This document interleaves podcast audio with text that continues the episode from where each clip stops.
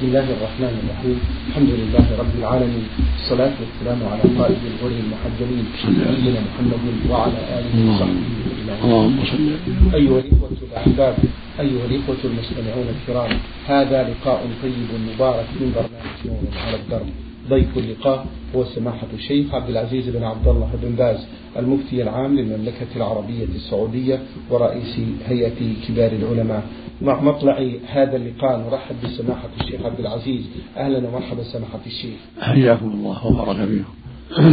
سماحة الشيخ هذا السائل يقول ما هي شروط آه، لا إله إلا الله كلمة التوحيد؟ وهل من قال لا إله إلا الله فقط دون أن يعمل يدخل الجنة؟ بسم الله الرحمن الرحيم. الحمد لله. وصلى الله وسلم على رسول الله وعلى آله وأصحابه ومن اهتدى بهداه. أما بعد وقد دلت الأدلة الشرعية من الكتاب والسنة على من أتى بالتوحيد ومات عليه دخل الجنة. من ذلك قوله صلى الله عليه وسلم أمرت أن أقاتل الناس حتى يقولوا لا إله إلا الله فإذا قالوها حرمت علي حرمت علي دماؤهم وأموالهم إلا بحقها. ومنها حديث عبادة بن الصامت من شهد أن لا إله إلا الله وحده لا شريك له وأن محمد عبده ورسوله وأن عيسى عبد الله ورسوله وكلمته ألقاها إلى مريم وروح منه وأن الجنة حق والنار حق أدخله الله الجنة. على ما كان من العمل وما هو أحاديث هذا كثيرة تدل على من قال لا إله إلا الله صادقا موحدا يتضمن كلامه براءته من الشرك وإيمانه بأن الله هو مستحق العبادة فإنه يدخل الجنة. ويكون من المسلمين مع الإيمان بشهادة بأن محمدا رسول الله. والإيمان بكل ما أخبر الله به ورسوله مما بلغه ذاك الوقت. ثم يطالب بعد ذلك بشرائع الإسلام. فإذا أدرك الصلاة وجب عليه أن يصلي وهكذا الزكاة هكذا الصيام هكذا الحج وإن مات في الحال بعد التوحيد دخل الجنة. إن لو أسلم ومات في الحال دخل الجنة لأنه ما أدرك العمل ولا فعل شيء من السيئات. والإسلام يجب ما قبله والتوبة تهدم ما كان قبلها. فإن عاش حتى أدرك الصلاة لزمته الصلاة. فإن أبى وجحدها كفر وإن لم يصلي كفر. وهكذا إذا أدرك الزكاة يجب عليه الزكاة. فإن أبى صار عاصيا يستحق دخول النار. وهكذا إذا أدرك الصيام ولم يصم صار عاصيا يستحق دخول النار إلا أن يعفو الله عنه. وهكذا إذا زنى أو سرق أو ما أشبه ذلك صار عاصيا يستحق دخول النار إلا أن يعفو الله عنه. وصار تحت مشيئة الله. إن الله لا يغفر يشرك به ويغفر ما دون ذلك لمن يشاء. المقصود أنه متى دخل في الإسلام ووحد الله وتبرأ من الشرك كله وآمن بكل ما أخبر الله به ورسوله يكون مسلما. ثم يطالب بحقوق الإسلام من صلاة وغيرها وترك المعاصي. فإن ترك المعاصي وأدى الحقوق تم إسلامه إيمانا. وإن مات في الحال قبل أن يدرك شيء من الأعمال فله الجنة. لأن إسلامه جب ما قبله من الشرور. فإن عاش فباشر بعض المعاصي أو ترك بعض الواجبات فهو تحت مشيئة الله. إن شاء الله غفر له وأدخله الجنة بتوحيده وإن شاء عذب على قدر المعاصي التي مات عليها. كما تقدم في قوله سبحانه إن الله لا يغفر الشرك ويغفر ما دون ذلك لمن يشاء. وهذا بإجماع المسلمين. بإجماع أهل السنة والجماعة. والعاصي تحت المشيئة. لا يكفر خلافا للخوارج ولا يخلد في النار كما تقول الخوارج والمعتزلة لا. بل هو تحت مشيئة الله. إذا مات على الزنا على السرقة على عقل الوالدين على شرب المسكر على أكل الربا لكن لم يستحلها. يرى أنها معاصي. غير مستحيل. ولكن غلبه الهوى والشيطان وله يعرف أنها معاصي تحت مشيئة الله. إن شاء الله عفى عنه وإن شاء عذب في النار على قدر المعاصي التي مات عليها. بعد التطهير والتمحيص يخرجه الله من النار بإجماع أهل السنة والجماعة. لا يخلد في النار إلا الكفرة خلافا للخوارج والمعتزلة الذين يقولون إن العاصي إذا مات على المعصية يخلد في النار. وتقول الخوارج إنه يكفر وقولهم باطل عند أهل السنة والجماعة من أبطل الباطل. والآية الكريمة ترد عليهم وهي قوله سبحانه إن الله لا يغفر الشرك به ويغفر ما دون ذلك من يشاء. وأما قوله صلى الله عليه وسلم الزاني لا يزني الزاني حين يزني ولا يشرب الخمر حين يشربه منه ولا يسرق السائل حين يسرقه منه فالمعنى الوعيد والتحذير. يعني ليس مؤمن الإيمان الكامل عنده نقص في إيمانه وليس معناه أنه كافر لأن الآيات يصدق بعضها بعضا. والأحاديث يصدق بعضها بعضا وكتاب الله لا يكذب بعضه بعضا والسنة لا تخالف القرآن. فوجب أن تفسر النصوص بالنصوص. يفسر النص أن يفسر النص بالنص. فقول لا يزني الزاني حين يزني يعني الإيمان الواجب الكامل. لو كان عنده إيمان كامل ما سمع لكن عنده نقص فلهذا وقع في الزنا وقع في الخمر لنقص إيمانه. ليس معنى أنه كافر لأن الرسول صلى الله عليه وسلم أمر في حق الزاني أن يحد يقام عليه الحد ويكون الحد كفارة له. وصاحب الخمر كذلك يقام عليه الحد والحد كفارة له. وإذا مات الزاني على الزنا بعد الحد دخل الجنة صار الحد كفارة له.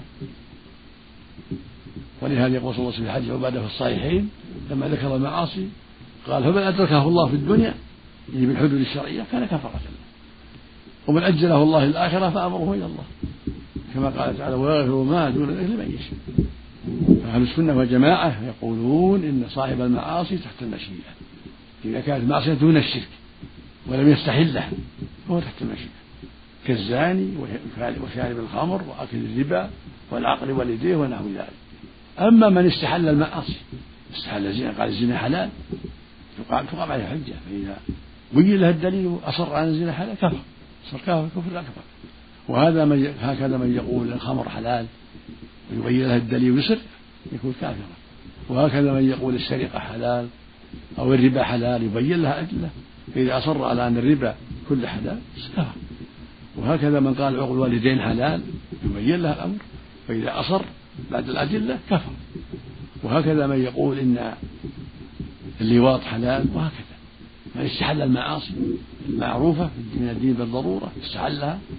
وأبين له الدليل وأصر كفر. أما من مات على المعصية ويعرف أنها معصية ما أستحل لم يستحلها يعرف أنه عاصي. مات وهو زاني مات وهو شارب الخمر مات وهو يرابي ويعرف أنه عاصي. هذا تحت مشيئته إن شاء ربنا غفر له في أعماله الصالحة وتوحيده وإن شاء عذبه على قدر الجريمة التي مات عليها. ثم بعد التطهير والتمحيص في النار يخرجهم الله من النار. وقد تواترت الأحاديث الرسول صلى الله عليه وسلم أن كثيرا من العصاة يدخلون النار. ويعذبون فيها. ثم يخرجهم الله من النار وقد امتحشوا وقد احترقوا فيلقون في نهر الحياة فينبتون كما تنبت الحبة في حمل السيل فإذا تم خلقهم أدخلهم الله الجنة. قد تواترت في هذا الأحد الرسول صلى الله عليه وسلم. وأجمع على هذا أهل السنة والجماعة. ولا يبقى في النار مخلدا إلا الكفرة. نسأل الله العافية. أما العصاة لا قد يبقى فيها قد يطول تطول إقامته ويسمى خلود. لكن خلود مؤقت. ينتهي. فإذا تمت المدة التي قدرها الله عليه يخرج من النار وصار إلى الجنة لتوحيده وإسلامه. والتوحيد له شروط ذكرها بعض أهل العلم. وهي سبعة قال بعضهم ثمانية. جمعها بعضهم في بيتين علم يقين وإخلاص وصدق كما محبة وانقياد والقبول لها وزيد ثامنها كفران منك بما سوى الإله من الأشياء قد أوليها فإذا فهمها طالب العلم وأتقنها وأداها كان هذا كمالا لتوحيده وإيمانه وإن كان عامي لا لا يعرف هذه الشروط ولكنه تبرأ من الشرك وآمن بالله وحده كفى وإن لم يعرف الشروط. من تبرأ من الشرك وتبرأ من الكفر واعتقد بطلانه وآمن بالله وحده كفى فقل علم يعني يعلم أن الله جل وعلا المستحق العبادة. والمعنى لا إله إلا معناها لا معبود حق إلا الله. يقين يقول عن يقين وهو شك يوحد الله عن يقين. وإخلاص. يعني ما ما أشرك بالله غيره بل أخلص لله مع الصدق. خلاف المنافقين. يقولونها كاذبون المنافقون هذا كافر. إذا قالها ظاهرا وهو يكذبها الباطل هذا كافر. مع المحبة مع محبة الله ومحبة التوحيد. يعني ما يحب الله كافر. أو يكره التوحيد يكره الإيمان كافر. ذلك بأنهم كرهوا ما أنزل الله فأحبط أعمالهم. هكذا القبول. يقبل الدين يقبل الحق ينقاد له. أما إذا رد الحق ولم يقبله ولم ينقاد الحق بل أباه ولم يقبل يوحد الله ولم يترك الشرك يكون كافرا. ولا بد من الكفران بما يعبد من دون الله. كما قال تعالى فمن يكفر بالطاغوت ومن بالله فقد استمسك يعني يكفر بعبادة غير الله يعني ينكرها.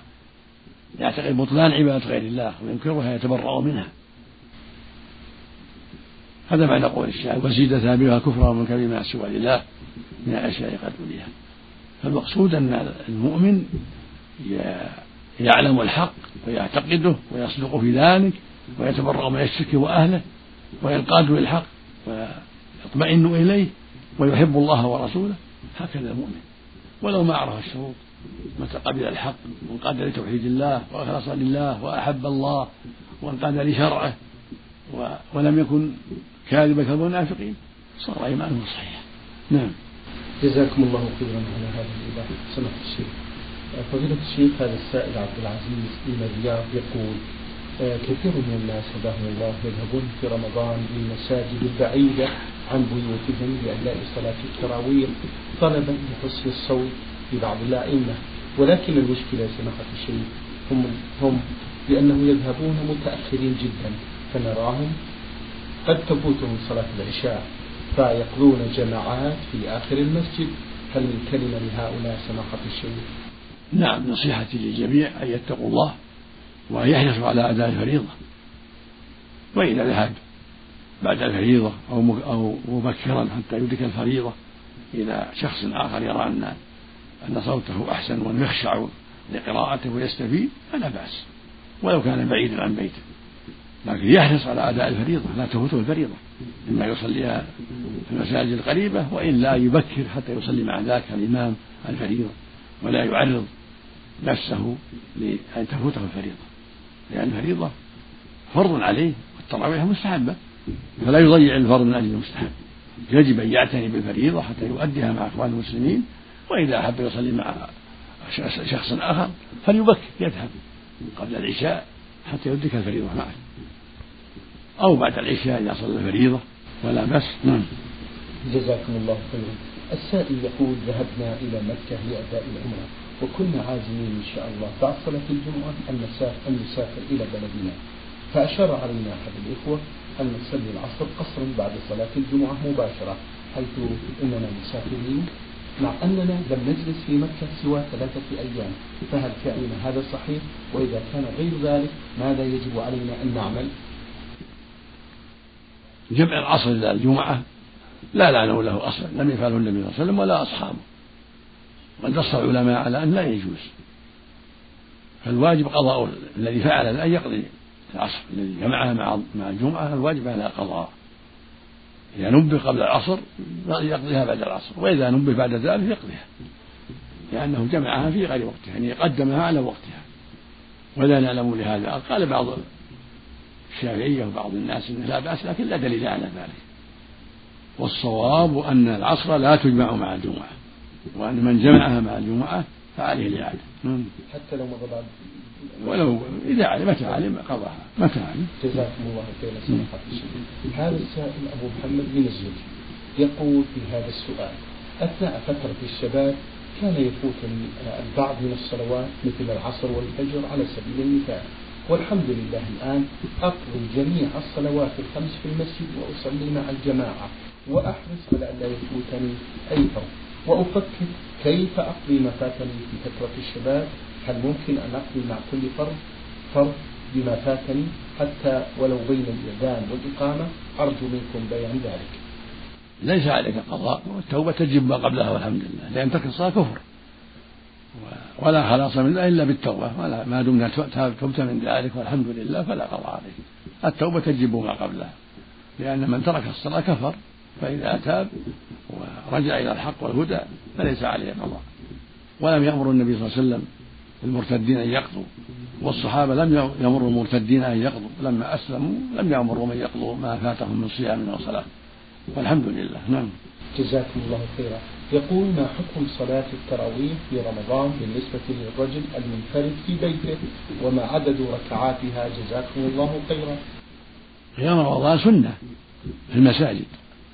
يقول صلى الله عليه وسلم من قام رمضان إيمانا واحتسابا غفر له ما تقدم من ذنبه. كن يقوم رمضان مع إخوانه في المساجد أفضل وإن صلى في بيته فلا. حرج وليس له حد محدود لكن الأفضل إحدى عشرة أو ثلاثة عشرة هذا أفضل. وإن صلى أكثر عشرين والوتر ثلاثين والوتر أربعين والوتر ما في حرج الحمد لله.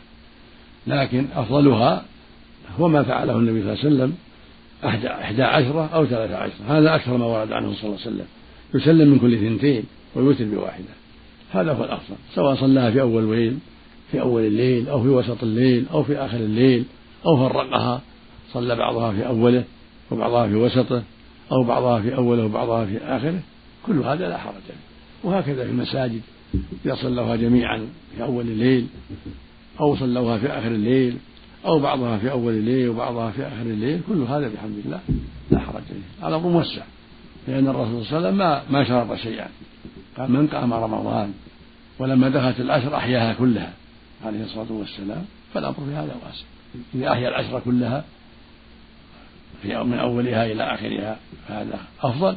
وإن استراح في بينها فلا بأس وإذا صلى التراويح في أول الليل أو اتفقوا على يصلوها في آخر الليل كل ذلك لا بأس الحمد لله. جزاكم الله خيرا. أخوكم في الله بندر عبد بندر عبد الله يقول في هذا السؤال ما هو تفسير الآية الكريمة يرونهم مثليهم رأي العين في سورة آل عمران؟ علما بأن الآية ذكرت في سورة في سورة التوبة عائد يقول هو تفسير الآية الكريمة يرونهم مثليهم رأي العين علما بأن آه، ذلك ذكر في آية ثانية هي في سورة التوبة. سورة الأنفال. المقصود أن هذا يوم بدر. نعم. والله جل وعلا قضى بحكمه العدل سبحانه وتعالى أن يقلله في أعينهم هؤلاء وهؤلاء. وإن يريكم إذا التقيتم في أعينهم قليلا ويقللكم في أعينهم ليقضي الله كان مفعولا فلما تقاربوا صار كل واحد يرى صاحبه قليلا. لما تقاربوا الصحابة يرونهم قليلين والكفار يرون الصحابة قليلا حتى يتمكن بعضهم بعض حتى يعني يندفع بعضهم إلى البعض. حتى حكم الله بينهم وقتل الله صناديدهم ونصر المسلمين عليهم. وكانوا أولا يرونهم مثليهم. قيل المسلمون يرون الكفار مثليهم. وقيل الكفار يرون المسلمين مثليهم. فلما دنا بعضهم من بعض واتصل بعضهم من بعض صار كل واحد يرى خصمه أقل منه حتى يقدم هذا على هذا وهذا على هذا. وإذ يريكم التقيتم قليلا ويقلبكم يعني يقضي الله كان وإلى الله ترجع الأمور سبحانه وتعالى. فالله جل وعلا جعل تقليل هؤلاء في وجه هؤلاء وهؤلاء في وجه هؤلاء من أسباب الإقدام. حتى التحم الجميع ونصر الله المسلمين وأذل الكافرين. جزاكم الله خيرا سماحة الشيخ. هذا السائل آه، يقول في هذا السؤال ما هو القول الصحيح سماحة الشيخ في طواف الوداع بالنسبة للعمرة؟ هل هو واجب؟ الأظهر من أقوال العلماء أنه مستحب وليس بواجب لأنه ليس هناك دليل واضح في وجود طواف العمرة. إنما أمر النبي صلى الله عليه وسلم الحجاج أن يطوفوا بالوداع فقال الحجاج لا ينفرن أحد منكم حتى يكون آخر عهد البيت. وقال ابن عباس أمر الناس يعني الحجاج أن يكون آخر عهد البيت. ولم يأتي أنه أمر العمار أن يطوفوا بالبيت بالوداع. ولما اعتمر الجعرانة لم يودع. وهكذا لما اعتمر عمرة قضاء لم يودع فيما علمنا من السنة. فهذا لبيان الجواز وأنه لا لا ودع المعتمر. والمعتمرون لما حلوا من عورتهم في رابع ذي الحجة وخرجوا مع إبلهم لم يأمرهم بالوداع الذين خرجوا بعد العمرة. مع إبلهم ومع أنها مسافات بعيدة. نعم، للرعي المقصود أن الأفضل الوداع لكن ليس عليه دليل. ثم العمرة مشروعة دائما وتكرر في السنة. قد يأتي مرات كثيرة. فأمرها واسع أمرها واسع. ليس فيه تشديد. نعم. جزاكم الله خيرا. نعم. يقول هذا السائل أيمن صلاح أحمد من جمهورية مصر العربية. أسأل عن معنى هذا الحديث وعن مدى صحته. ثلاثة لا ينظر الله إليهم يوم القيامة ولا يكلمهم وهم في النار خالدون وذكر منهم مسبل إزارة. الحديث رواه مسلم في الصحيح. ثلاثة لا يكلمهم الله ولا ينظر يوم القيامة ولا يزكيهم ولهم عذاب أليم. المسبل إزارة. والمنان فيما أعطى والمنفق سلعته بالحلف ذلك هذا من باب الوعيد عند أهل السنة والجماعة. ليسوا كفارا بل من باب الوعيد والتحذير والترهيب المسبل يدعى على كبيرة من الكبائر.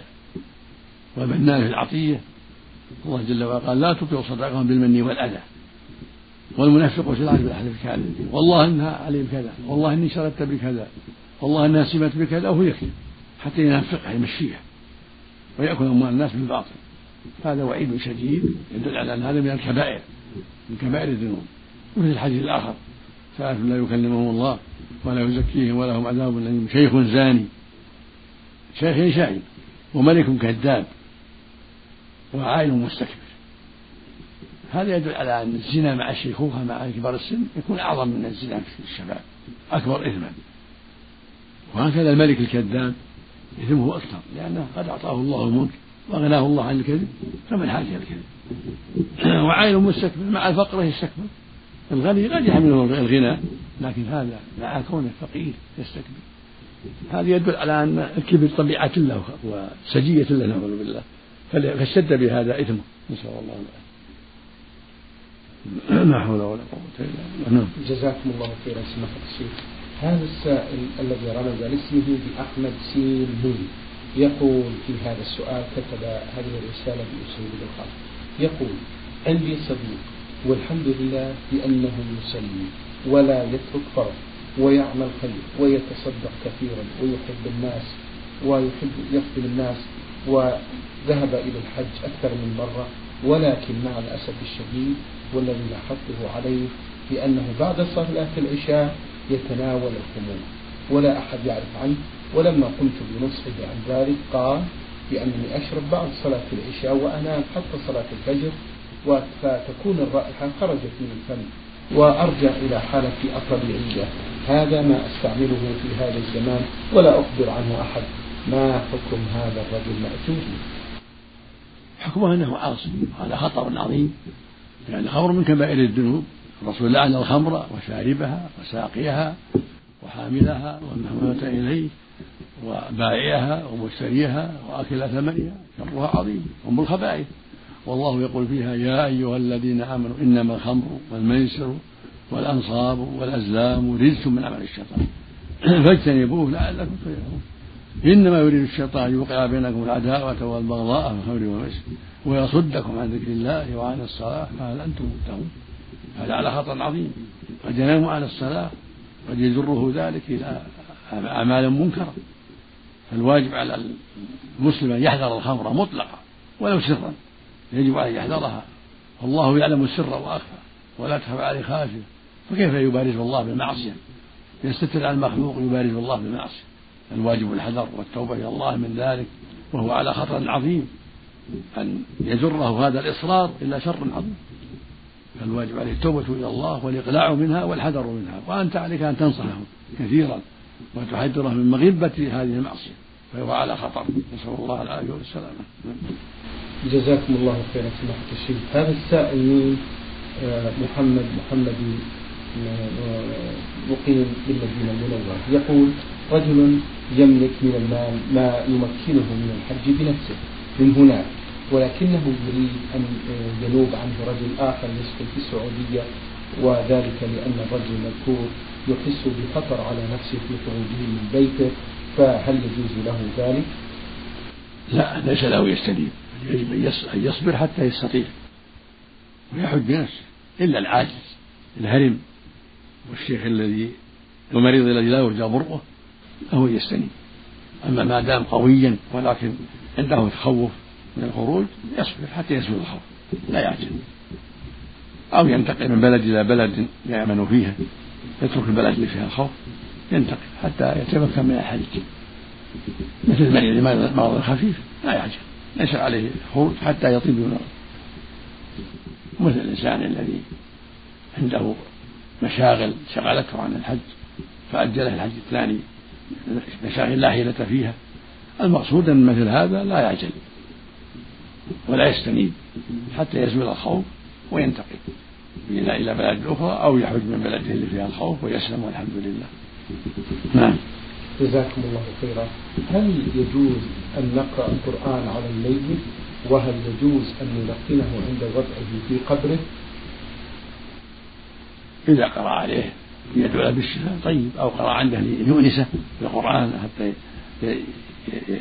يستفيد ويسأل ربه عند سماع القرآن مثل ما يقرأ عند المريض ياسين عند محتضر. يرجى له أن يستفيد منها ويخشع ويسأل ربه حسن الخاتمة. لا بأس طيب. هذا هكذا يكون يقرأ غير ياسين عند عند المريض يستفيد ليخشع ليذكر ربه. كل هذا طيب. نعم.